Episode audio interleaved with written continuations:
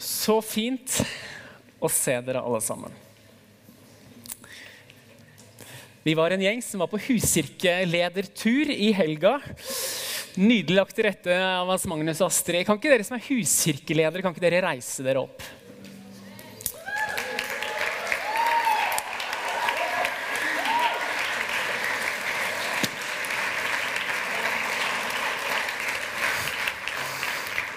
Jeg er, så, jeg er, så, stolt av disse menneskene. Det er så mange flotte ledere i kirka vår, men disse har bestemt seg for å ta del i å disippelgjøre oss. Og se at det vokser fram en disippelkultur i den byen vi er. i. Jeg tror vi er 22 grupper nå, og det vokser til flere, og det fryder vi oss over. Så fint. Jeg så familien Stokke her i stad, all the way from Tønsberg. Jeg ser det ikke akkurat nå, men de er hjertelig velkommen. Jeg vet ikke om det var tema for dagen som dro dem, for i dag skal jeg tale under overskriften 'ekteskap og dating'. Kanskje jeg vet ikke, men kanskje er det her også den eneste anledningen du har til å være på en samling hvor det er dating, ekteskap og nattverd som er fokus. Så det er min oppgave å sy det sammen. Det tror jeg blir veldig, veldig bra. Ok, Så hvis jeg sier ordet ekteskap, så tenker du Amen.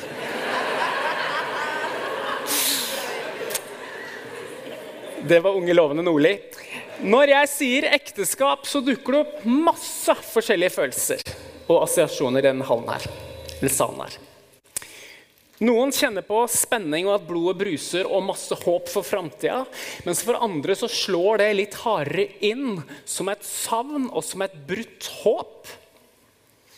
Noen av oss her vil sitte og tenke er så velsigna i ekteskapet mitt. Andre kjemper med ekteskapet sitt. Noen har gått ut av et ekteskap. Noen har gitt armen sin for å ha vært i et ekteskap.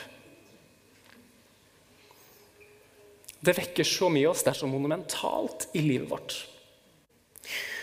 Og nå Før jeg ber en enkel bønn, så har jeg lyst til å utfordre deg om du bare klarer det for noen minutter eller en time å løfte framfor Gud, ta ut og løfte framfor Gud de følelsene du har rundt dette temaet.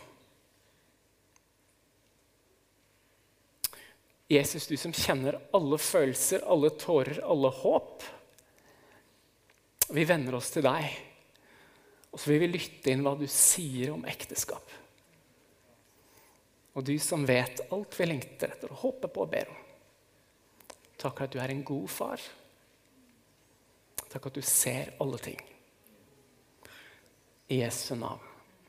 Amen. Det er litt lett å tulle med et sånt tema som det her. Og det var litt morsomt, for Vi var jo på en tur, en gjeng av oss, og så spurte jeg hva han syntes dere burde preke om. Og da tenkte jeg nå kommer det misjon, evangelisering og nådegaver og trøkk. Men det var liksom 20 av 22 som foreslo dette med dating. Så mens jeg pleier å spørre Gud hva jeg skal tale, så har jeg spurt dere hva jeg skal tale, og det blir tema i dag. Men i den boka her sånn, så har vi noen bilder, vi, har noen sammenligninger som skal fortelle oss hvem Gud, han som er umulig å beskrive hvem han er. Og De gudsbildene de gjør også noe med oss. Så når vi leser at Gud er vår far, så vekker det opp i oss at vi er hans barn. Og så kan vi smake på å erfare hans omsorg av å være Guds barn. Og Når denne Bibelen løfter opp at Gud er herre, så vekker det opp ja, men da er vi disipler. Vi vil følge han, vi vil lære, vi vil bli som han. Et av de bildene som Bibelen viser oss om hvem Gud er, hvem Jesus er, er at han er en brudgom. Faktisk En av de rødeste av de røde trådene i Bibelen handler om at Gud er vår brudgom. I 1. Mosebok kapittel 1 og 2 så etableres og defineres ekteskapet. Gjennom Det gamle testamentet, spesielt gjennom profeten, så males dette bildet av Guds folk som Guds brud. Og så ser vi det, Jesus forteller lignelser om det, Jesus eh, bekrefter det. Og så vet vi at ved tidenes ende så skal alt ende opp i et bryllup. Og Det viktigste jeg kommer til å si til deg i dag, det er at om du er singel eller ikke, så er vi alle sammen invitert i et bryllup. så er vi alle sammen invitert i det store, ekte, evige ekteskapet. Vi har alle et bryllup å forberede. Og Av og til så står jeg i vielser og så leser jeg dette skriftstedet fra Forkynneren hvor det står at det er bedre å være to enn én. Så står det noe sånn som at Hvordan kan den som er alene, holde seg varm? Hvordan kan den som er alene, som har falt ned, bli reist opp? Og Da har jeg lyst til å bare rope ut i forsamlingen at du som har sagt ja til Jesus Kristus, du er ikke alene. Du er i et forhold til Jesus Kristus, bare at bryllupet er på den andre siden. Vi, det er et stort mysterium, skal vi lese etterpå, men vi er kalt inn i et ekteskap med Jesus der vi forenes med han. Og Hvis vi legger vekk litt den seksuelle biten som kan, kan forstyrre det bildet litt, så er det sånn at når vi leser at han er vår brudgom, så vekker det opp en annen passion i våre liv. Nemlig at det er hos han jeg vil være. Det er han jeg vil gi livet mitt til. Det er hos han jeg er hjemme. Det er dette det handler om. Vi har ikke tid til å gå inn i det som handler om brudeparadigmet, som jeg tenker er et veldig viktig paradigme å ha med seg. Men jeg har lyst til bare definere at når vi leser om ekteskap i Bibelen, så er det en avskygning av Guds kjærlighet til sin menighet. Det er et bilde av Av og til så roter vi det til og så sier at Gud er som en far. Nei, nei, nei. Gud er far, og jeg er som en far for mine barn. Det er ikke sånn at når vi vier oss her på jord, så er det ekteskapet. Nei, ekteskap Gud er brudgom, og vi er hans brud. Vi gifter oss, og det er et bilde av det som er ekte. Fordi originalen er fra Gud, så skal vi også bruke denne boka i dag. Vi skal prøve å si noe om hva er et ekteskap. Hvorfor i all verden skal man forsøke seg på ekteskap? Og så skal jeg prøve å si noe på slutten hvordan kan man begynne å nærme seg et ekteskap. Høres det greit ut? Be gjerne underveis. Vi skal begynne med å spørre hva er et ekteskap, og da skal vi få en tekst opp på veggen her. Vi skal lese fra Efeserbrevet 5.25. Efeserbrevet 5.25. Jeg leser. Dere menn, elsk konene deres slik Kristus elsket kirken og ga seg selv for den, for å gjøre den hellig og rense den med badet i vann i kraft av et ord. Litt kronglete skrevet, men de blir rensa ved å ta imot og leve i Guds ord. Slik vil han føre kirken framfor seg i herlighet uten den minste flekk eller rynke. Hellig og uten feil skulle den være. På samme måte skal altså mennene elske sine koner som sin egen kropp. Den som elsker sin kone, elsker seg selv. Ingen har noen gang hatet sin egen kropp. Nei, man gir kroppen næring og pleier den på samme måte som Kristus gjør med kirken. For vi er lemmer på hans kropp. Derfor skal mannen forlate far og mor og holde fast ved sin kvinne, og de to skal være én kropp. Dette er et stort mysterium. Jeg tenker på Kristus og kirken. Men det gjelder også hver enkelt av dere. Hver mann skal elske sin kone som seg selv, og hun skal ha respekt for sin mann. Her understrekes det jeg begynte med å si. At det vi kaller ekteskap, det er et bilde av den kjærligheten Gud har for sin menighet. Og Hvordan er det Gud, eller hvordan er det Jesus forholder seg til oss, sin brud? Er det bare vakre ord? Er det litt en sånn kjølig avtale om at 'jeg har dødd for dere', 'dere har rett til å være sammen med meg'? Nei. Det er vakre ord, det er kjærlighet, det er handling, og så er det også en avtale. Det er en pakt. Gud forholder seg til oss gjennom en pakt som er følelser og forpliktelser, overgivelse og juss som er tvinna sammen til en pakt, en avtale som ikke kan brytes. Og fordi Gud ikke bryter sin pakt, så kan vi århundrer etter århundrer etter århundre stole på Gud. Og Bibelens bilde av ekteskapet det er også at det er en kjærlighetspakt hvor vi tvinner sammen kjærlighet, fysisk tiltrekning, med plikt og ansvar. til en kjærlighetspakt som varer. Det er Guds bilde av hva ekteskapet skal være. Jeg har en venn som jeg vokste opp med, Vegard, som har vært, hatt den samme kjæresten i ti år. Det er samboere. Eh, og det er litt sårt, for kona, eller Samboeren vil så gjerne gifte seg, og han vil ikke gifte seg. Og han sier at det minst romantiske jeg kan tenke meg, det er et signere på et papir på at vi skal være gift. Men jeg sier litt imot han på det.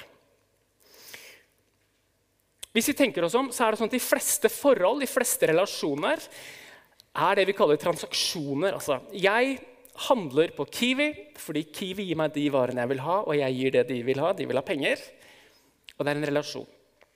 Hvis Kiwi ikke gir meg det jeg trenger, så er ikke relasjonen sterkere enn at jeg bryter den relasjonen og går over gata til Rema. Men hvis jeg hadde fått et barn, et tenkt tilfelle, som ikke oppførte seg helt perfekt, og jeg satte det bort og prøvde å bytte det bort, da er det noe helt annet. Det fins to forskjellige forhold. Det er paktsforhold, og så er det transaksjonsforhold.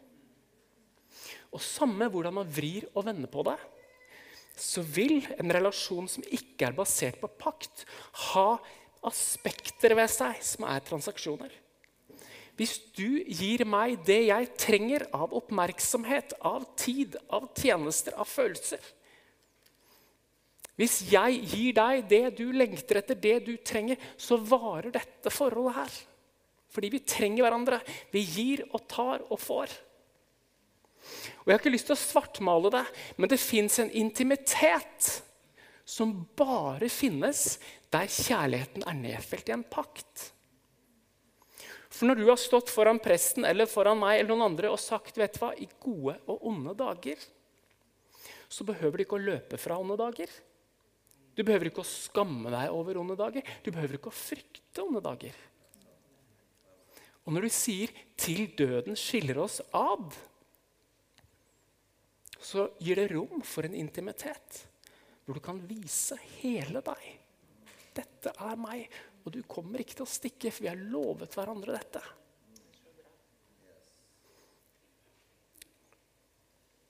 Og så er det ikke bare intimitet, men det gir også stabilitet. Du vet ikke hvor lenge du har jobben din, du vet ikke hvor lenge du har huset du bor i, økonomien din. Du vet ikke hvor lenge du har vennegjengen rundt deg. Noen her så gale at de vurderer å flytte fra byen. ikke sant? Men hvis du har lovt noen ved pakt at vi skal være sammen vi, til livet slutter her på jord, så er det en stabilitet i det. Og Timothy Keller, en som jeg ofte siterer, en, en, en teolog og pastor og, og forfatter han skriver i en av sine bøker han viser til en statistikk som sier at en stor gjeng av ektepar ble spurt om de var lykkelige i ekteskap eller ikke. Han forteller at av de som svarte nei, vi er ikke lykkelige i ekteskapet. Nei, vi kjemper i dette ekteskapet. Så svarer to tredjedel av disse menneskene at etter to år så svarer de at vi har det godt. Og Det skapes en glede, det skapes en verdi, det skapes noen bånd når man står gjennom stormen sammen. Når man kommer gjennom de tøffe dagene sammen. Og det kan være at det papiret du signerte på foran slekt og venner og Gud, som er en pakt, det kan hende at det papiret driver deg gjennom noen av disse stormene, sånn at du kan komme ut på andre sida og kjenne på fred og takknemlighet og glede. Denne pakten kan gi stabilitet. Og så lyst til å si at den kan gi deg frihet. Jeg gifta meg ganske tidlig. og sånn, Her kan du binde deg til én. Vet du, når du gifter deg eller går inn i en sånn edsavtale med noen, så har du friheten til å leve et liv hvor ikke følelsene, begjæret, eh, popularitet svinger og fører deg. Du kan si vet du, jeg velger dette, og jeg er fri fra disse andre tingene. Og Vi tror at trofasthet vi tror at det er en frukt av Den hellige ånd, og vi tror det er det beste livet. Så det å gifte seg det er også en vei til frihet. Så hvis vi spør hva er et ekteskap, så svarer vi vet hva? Det er en avskygning av Guds kjærlighet til menigheten. Og det er en varig kjærlighetspakt som gir rom for intimitet, stabilitet og frihet. Ok, Så hva er det? Det jeg prøvde å si nå. Men et større spørsmål, og kanskje mer sånn uh, opplagt spørsmål, er jo Men hvorfor i all verden skal man gifte seg? Hvorfor i all verden skal man ta sjansen på å gi den man er, gi livet sitt, gi framtida si, alt man eier, til et annet menneske? Det er jo kamikaze. Og prognosene er heller ikke så veldig gode. 50% skiller seg. Så du bør tenke deg nøye om hvorfor i all verden vil jeg gifte meg? Vi har allerede lest teksten, vi kan lese den en gang til, for Paulus siterer fra 1. Mosebok kapittel 2. Jeg tror du har den teksten også på, på skjerm. Her i 1. Mosebok kapittel 2 og vers 24 så står det sånn her. Derfor skal mannen forlate sin far og sin mor og holde fast ved sin kvinne, og de to skal være én kropp. Derfor skal mannen forlate sin far og sin mor hvis du er 40, bor hjemme og gamer hele dagen Dette er en liten oppfordring. Det er ikke en bryllupsbefaling, men det er kanskje en ørliten datingbefaling. Jeg vet ikke. Men derfor skal mannen forlate sin far og sin mor og holde fast ved sin kvinne. Vet du hva? Å forlate sin far og sin mor Jeg hadde en utrolig interessant samtale her om dagen om Det er ikke så lett. Foreldre sine stemmer de sitter ganske godt i oss. Min far har passert 75, men du verden, han har taket på meg på noen områder. Er det ikke litt sånn? Når vi kommer hjem, så går vi på en måte inn i noen roller. Jeg tror ikke det bare handler om geografisk å bryte opp, men at vi skal bryte opp og bli selvstendige. Men det ordet som, som slår imot, er ordet 'hvorfor', eller 'derfor'. Derfor skal. Og det kan virke som at ekteskapet ikke er målet i seg selv, men at det finnes en hensikt med ekteskapet. Det kan virke som det ligger en hensikt bak ekteskapet. Bibellesere har til alle tider lest akkurat dette verset, akkurat denne teksten her, som at det er Gud som taler. Og Man leser den teksten som at Gud definerer og etablerer ekteskapet her. Og det kan Man eller man forstår det sånn fordi at du vet at Adam og Eva de hadde ikke noen å bryte opp fra. Eh, og det var ikke så viktig å si til Adam at han skulle holde seg til én kvinne, for det var ikke så mye valg. Så her tror man at Gud definerer ekteskapet. Men det ordet 'derfor' henger jo fortsatt i løse lufta. Det er ikke noe argumentasjon i versene før. Det bare kommer 'Derfor skal mannen forlate sin far og sin mor'. Men hvis vi leser hele kapittelet, så dukker det opp noen årsaker. Og det første som står I vers 18 så står det at Gud hadde skapt hele verden og så det godt. Med ett unntak. Det står at Herren sa det var ikke godt for mannen å være aleine. Den første årsaken, hensikten med ekteskapet, er vennskap. Se for deg Gud har skapt alle molekyler, atomer, hjernen vår, havet, alle dyr, alt på alle måter. Alt har vært godt, alt har vært perfekt, men så gjorde han én glipp. Han skapte mannen alene. Og det er til å forstå som en glipp. Han så dette funker jo ikke. Litt interessant, syns jeg, at denne mannen gikk jo ikke rundt i gata og sparka stein. Han brukte tid sammen med Gud. Allikevel så sier Gud dette her funker jo ikke. Bare meg og deg. vet du hva, Det er bra, men det er ikke bra nok. Du trenger noen rundt deg. Og Av og til når vi synger de mest inderlige sangene om at 'jeg trenger bare deg', så tror jeg Gud elsker det hjertet. Men han sier vet du hva, i tillegg så trenger du en kristen familie rundt deg. Jeg elsker hjertet ditt, men koble deg på. Det fins en menighet der du bor.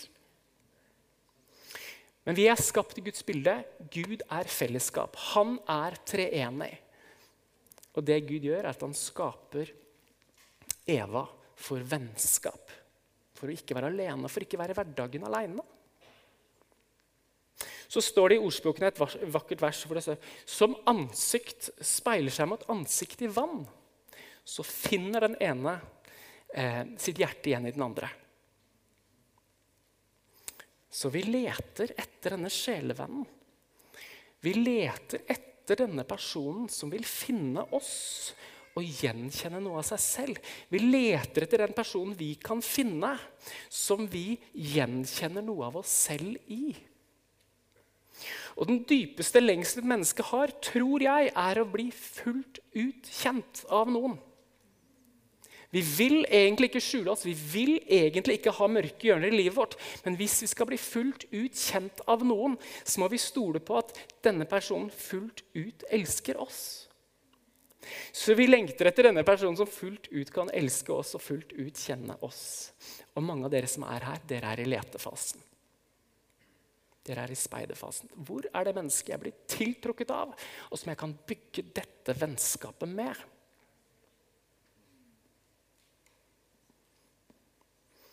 Et sånn typisk guttesvar hvis man spør liksom ja, Ser du til kjæresten sånn Ja, det gjør jeg. Liksom. Hun skal være pen, og hun skal godta meg som jeg er. Hun skal ikke forandre meg. og sånn sånn. Og Det er jo den litt sånn uh, krevende beskjeden å gi. da, Men ekteskap det staves jo arbeid. Vet du hva? Før jeg gifta meg, så tenkte jeg det var mangel på selvinnsikt, men jeg tenkte at dette, jeg tror jeg er ganske enkel å leve med. Jeg har dette på plass. Sånn og sånn og sånn. og sånn og sånn. Men så skjer det noe når du flytter sammen med noen, skal bo der 24 timer i døgnet, og den andre ikke flytter ut. Det bare blir. Da dukker den egoismen du kanskje ikke engang visste at du hadde. Den evnen til irritasjon evnen til frustrasjon. Latskap. Lista er veldig mye lenger, men disse tingene dukker opp idet du gifter deg. Om ikke rett før. Timothy han sier noe som er ufattelig uromantisk, men det kan hende det er litt sant allikevel. Han sier meningen med ekteskapet og tegner i bildet av at meningen med det kristne livet er å bli lik Jesus. Han sier at meningen med ekteskapet er deep character change through deep covenant relationship. Det er noe ved ekteskapet som handler om å endre oss og bli gode sammen. Så hvis du leter etter den personen som er så pen, som ikke har noe ønske om å forandre deg, og som du tenker at den andre passer perfekt for deg, så kan det hende at du må lete og lete og lete. Jeg har en venn, Joakim Magnus, håper ikke du er her nå. Eh, men jeg husker jeg vokste opp med jeg husker når vi var unge, så Han var veldig frimodig, så han hadde laga en liste på 30 ting som han forventa av sin tilkommende. Eh, men så gifta jeg meg først, og det tok litt tid før han gifta seg. Jeg husker han kom på meg og sa Lars, nå er det bare ett punkt igjen, og det er at det skal være en jente. Eh, så det kan hende du må korte ned litt på lista di. Men én hensikt med ekteskapet er å gi deg en venn. Og jeg har lyst til å si at Ekteskapet er mer enn det. Vi skal komme, komme videre på det. Men liksom, istedenfor å se etter eh, en seksualpartner som kan bli en venn, så ville jeg tenkt motsatt. Se etter en venn som også kan bli en du kan ha sex med. Begynn der og se etter en venn. Det er mitt tips. Du står videre I dette, i, i dette kapitlet her, sånn, så står det en årsak til for ekteskapet. En hensikt til. Og det står at Gud skapte Eva for å være en hjelper for Adam. Og før alle jenter og damer reiser seg, så, så brukes det ordet 'hjelper' det brukes faktisk også om Gud i bl.a. salmen. Det handler om en som kommer opp på siden og hjelper. En del av ekteskap, en del av hensikten, er å hjelpe hverandre. Og når vi leser, så står det jo der at Adam hadde et ganske voldsomt prosjekt. Han skulle kultivere, han skulle legge seg, han skulle fylle jorda. Han skulle gi navn til alle dyr. Skulle, det er ikke måte på hva han skulle gjøre i denne svære hagen, som ikke var en sånn eh, sånn liten eh, rekkehushage. Det var svært, kanskje så stort som et kontinent. vi vet ikke. Han hadde en voldsom jobb. Og Så skapes Eva, og så får de lov til å stå sammen som gartnere i denne hagen. En del av det å være gift er å få lov til å stå sammen i tjeneste. Og Da definerer jeg tjeneste større enn tjeneste i kirka. Og Hvis du snakker med folk som har vært gift en stund, så vil de kanskje si at det sterkeste og det fineste med å være gift er at de kan stå sammen om å skape et hjem. At de kan stå sammen om å oppdra barn. De kan stå sammen om å bygge denne bedriften. Vi kan få lov til å stå sammen om å be for nabolaget eller hva det er. Vi kan få lov til å stå sammen. Og Gud visste at hverdagen vår kunne bli så tøff, at vi kunne møte så mange ting, at vi trenger en hjelper. Det betyr ikke at du må gifte deg, men du trenger mennesker tett rundt deg som også hjelper deg.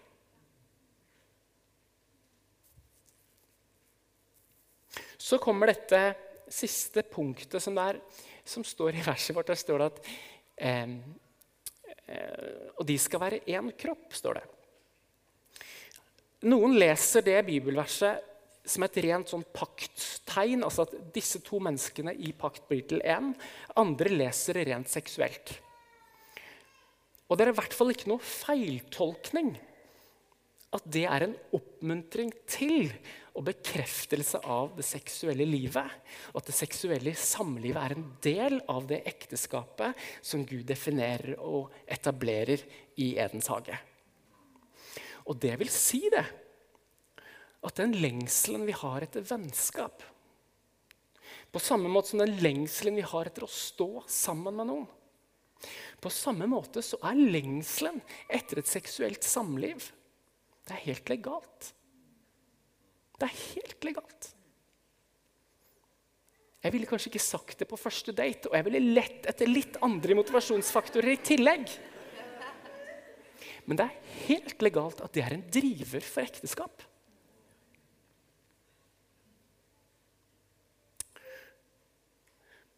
Mye av den, eller sånn, Vi er vokst opp i Vesten i en type kristendom som, som i stor grad er prega av Augustin, en kirkefar, teolog, filosof, som levde i Nord-Afrika på 370-80-tallet. Eh, og som definitivt er den som har betydd mest i vestlig teologi, også fordi Luther brakte han så veldig opp. Og det som kan være greit å vite, er at Augustin ble kristen, eller han kom til tro i ganske voksen alder.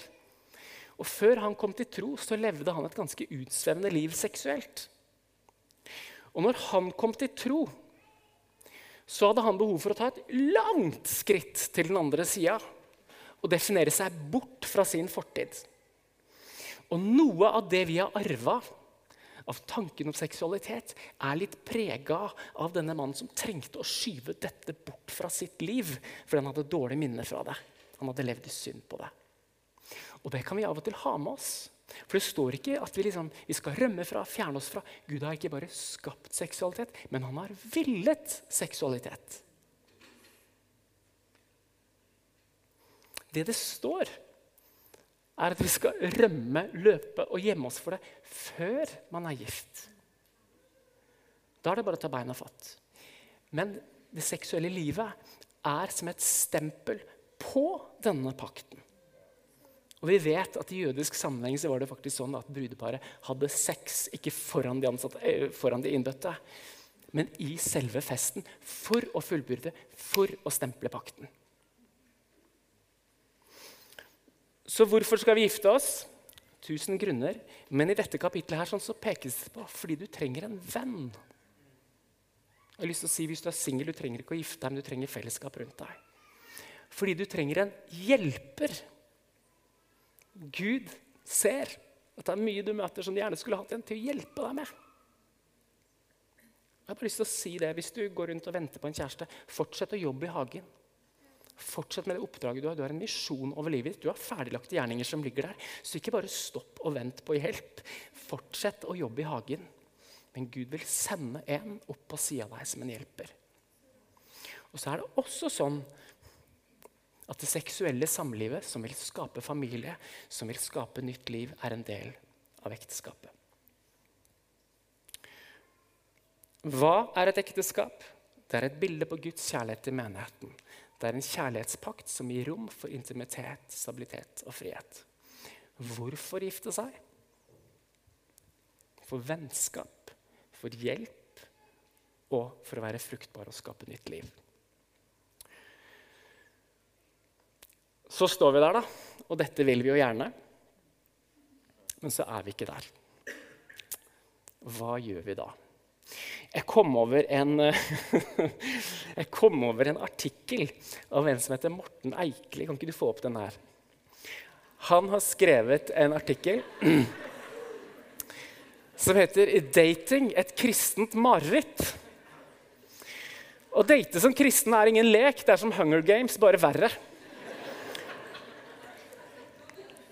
Og han skriver I ingressen så skriver han videre nedover så skriver han at kristne mennesker i det hele tatt blir gift, er et tegn på Guds eksistens. Og så peker han på det kronglete landskapet det er å date i en kirke og i en kristen kontekst. Det Jeg skal si nå, jeg er ingen datingekspert. Jeg forelska meg i Anita da jeg var 13 år, og vi, gifta, eller, og vi ble kjærester som 20-åringer. Hun var ikke like opptatt av meg disse 20 årene. Hun, eh, så det jeg har av datingkunnskap, det jeg har lært av henne fra hennes liv. Nei, det var feil.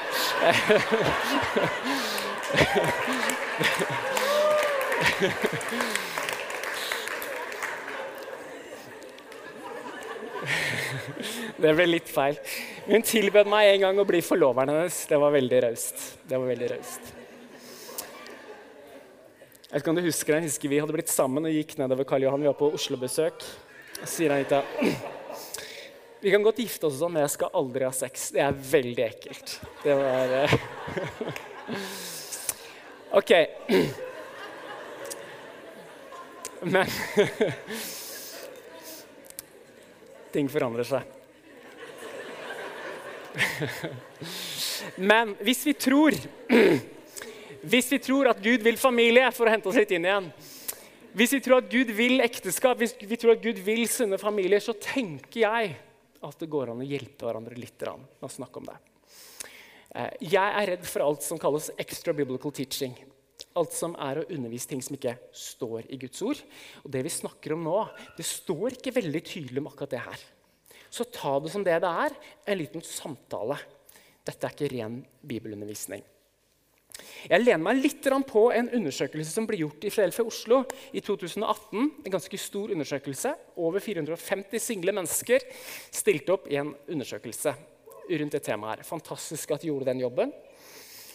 Der kommer det fram noe spennende.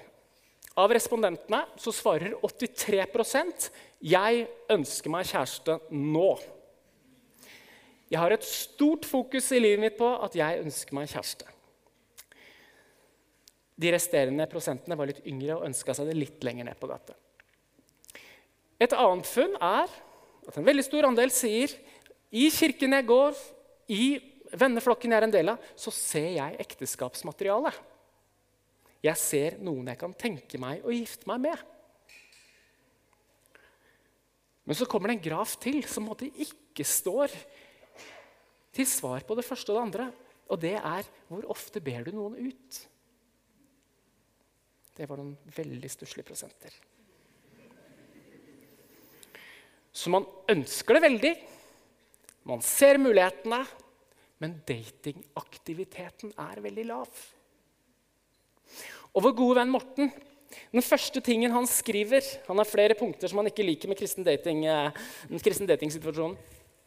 Noen av dere kjenner han. Han jobber, jobba iallfall som koordinator for Ungdommens landsmøte i NLM. Han skriver at som kristne så har vi så høy standard. Og det skal vi ha. Som kristne så har vi, vi tenker så alvorlig rundt det og har så langt perspektiv på det. Og det skal vi ha. Men så sier han vi har blikket så festa på målstreken at vi ikke evner å være til stede i det som er en rotete begynnelse på det. Det vil si at når du har brukt tre måneder på å søke Gud og spørre om du, få, om du skal si ja til en kaffekopp med en fyr, så sitter du der, og istedenfor å være litt avslappa, by på deg selv, ha litt glimt i øyet, så sitter du og tenker hm, Passer hun inn med slekta? Hvordan vil våre barn se ut? Rekker vi å gifte oss denne sommeren? Mm. Eller motsatt. Utrolig søt, men jeg vet ikke om hun vil klikke med mammaen min. Dette kan være vanskelig. til det. Og så har vi blikket så festa framover, mener Morten, og jeg tror han har rett, at vi kjemper med å være i denne litt sånn krevende dating. Usikkerhet kan godt hende det er ikke funker i det hele tatt, men vi prøver oss. Og Det er derfor det fins en datingperiode. Derfor det går an å være kjærester. For å finne ut. Jeg trodde aldri jeg skulle si det her, men jeg kunne nesten ønske meg litt mindre alvor. Jeg kunne nesten ha ønska meg, eller jeg kunne ønska meg at det går helt fint å si vet du hva, hei, dette har jeg lagt merke til en gang i kirka. Kunne ikke vi blitt litt bedre kjent? Har lyst til å ta en kaffe med meg? Og så er ikke det noe mer enn at jeg kunne ønske å bli litt bedre kjent med deg. Vet du hva, Jeg jobber i nabolaget der du bor. Skulle vi spist middag sammen eller gått en tur i Botanisk hage eller tusla en tur sammen?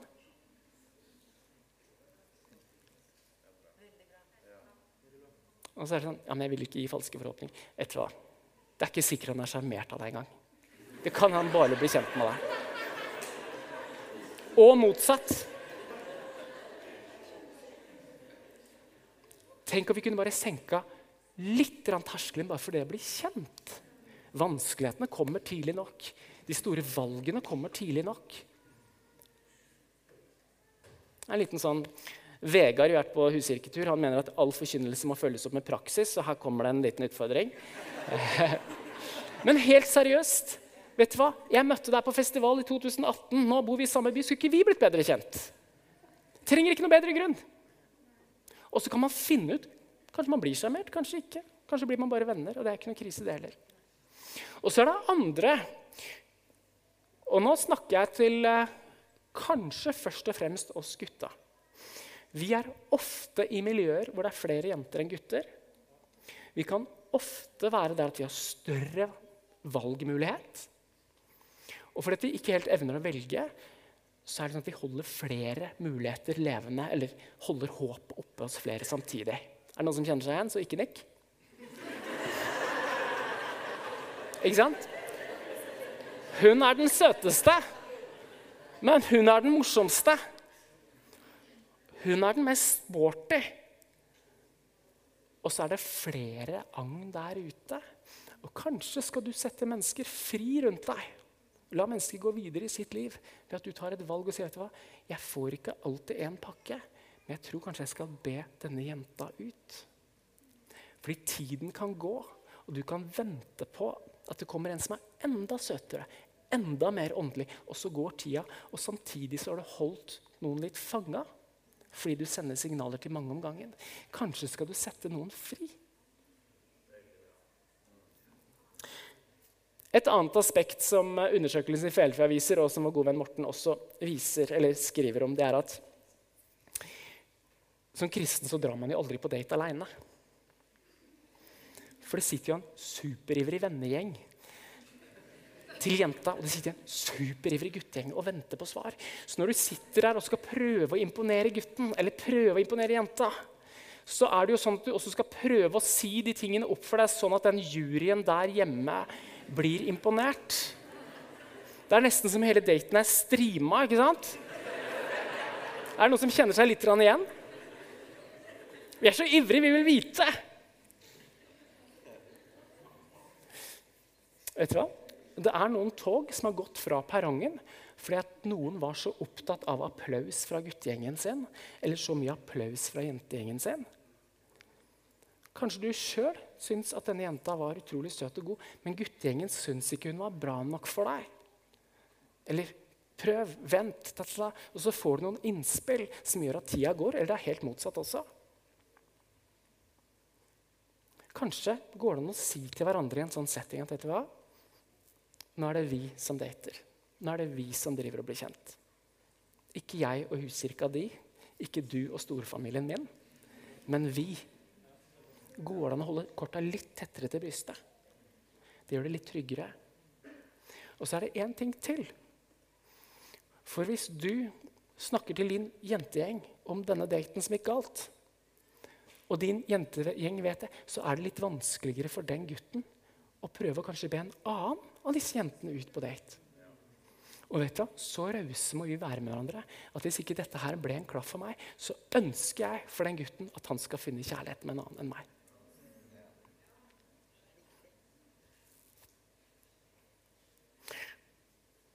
lyst til å bare komme kjapt borti to andre ting. og Det ene er at i våre miljøer er veldig kjernefamilieorientert.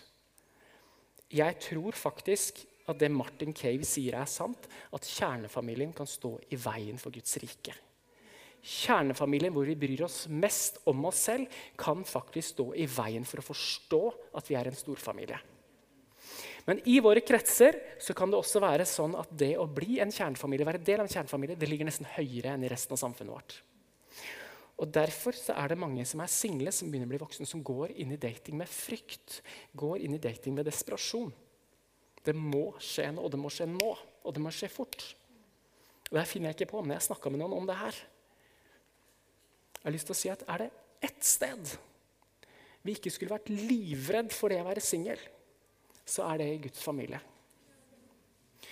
De største forbildene i mitt liv, fra Bibel, fra kirkehistorie til den dag i dag, er mennesker som lever som single. Som strekker seg ett skritt lenger i Guds rike, som har muligheten til å ta ett skritt mer enn det de gjør når du står der med familie. Om du er singel, om du lengter etter en kjæreste, prøv å ikke la frykten være drivende når du møter noen. Og så er det dette siste. At vi har denne faktoren som heter Gud. Det at vi har en god far i himmelen, blir av og til veldig krøkkete når vi skal finne en kjæreste. For vi vil jo så intenst treffe på riktig. Er det ikke litt sånn? Og vet du, Det er et så edelt ønske som ærer Gud. Og jeg tror at Gud vil lede oss i de store valgene i livet vårt. Jeg tror på kjærlighet ved første blikk. Jeg tror at Gud av og til kan lede på spesielle måter. Men jeg tror også at Gud ofte spiller på lag med oss. Altså, vet du hva? Øynene mine falt for dette. Magefølelsen min sier dette. Og Av og til når du er i en sånn situasjon skal, skal ikke, så er du så fullt av følelser. Du vet ikke hva som er demoner, hva som er hormoner. Og av og til Hvis du Av og til, men hvis du vet at mitt hjerte er å følge Guds vilje, så har jeg bedt en bønn til Gud. Og den er sånn her. Gud, led meg så tydelig at jeg skjønner det. Ikke la det være sånn at det regna på torsdag. Da burde jeg skjønt at det Led meg så tydelig at jeg skjønner det. Og da sier jeg også sånn Magefølelsen min sier dette. Hvis jeg tar feil, stopp meg. Av og til så kan man ikke gå i sirkel lenger. Man må si, 'Gud, du vet, min vilje er å følge deg. Min vilje er å leve til ditt behag.' Nå er det ufattelig tåkete å ta inn signaler her. Stopp meg hvis det jeg gjør noe er feil, og så satser du. Og Det kan jo være sånn at Gud også trenger å se dere sammen før han har en veldig tydelig råd å gi. ikke sant? Eh. Så ikke skyld på Gud. Tør. Tør å gå litt. Jeg kunne ønska at det var lett å finne seg en kristen kjæreste i den byen. her. Jeg kunne ønske at det var trygt å be noen på en kaffekopp i den byen her, uten at det spredde seg og ble en vond greie. Gud. Vi ber om familier, ekteskap, kjæresteforhold. For de av dere som har sittet nervøse hele kvelden på hvordan dette her skal ende opp i nattverd, så, så har jeg en plan. Nei da, det er faktisk veldig enkelt. Det her med vårt kjærlighetsliv, det vi lengter etter, det vi drømmer om, det vi står i, det vi kjemper med, det er en så monumental ting i våre liv. Det er så svært i våre liv. Er ikke det sant? Vi snakker om virkelige ting. Det er noe vi tenker mye på. Det vi skal feire rundt nattverdsbordet etterpå, det er at han ga alt han var og hadde for oss. Og så inviterer han oss til å gi alt vi har, til han. Det vil si at i dag så utfordrer jeg til For noen av oss er ikke dette her superaktuelt. At når du kommer til Guds bord, så kan du også si vet du hva? Jeg vil legge i dine hender dette som jeg har snakka om nå. Dette som jeg kjemper sånn med, dette som har så stor fokus på meg. Gud, jeg ønsker å legge det i dine hender. Jeg vil søke ditt rike først, og så stoler jeg på at du vil gi meg de andre tingene. Livet mitt handler ikke om dette. Jeg har en hensikt med mitt liv. Du har kalt meg, jeg er ditt barn. Du har gitt meg din ånd. Jeg har framtid. Jeg har en hensikt.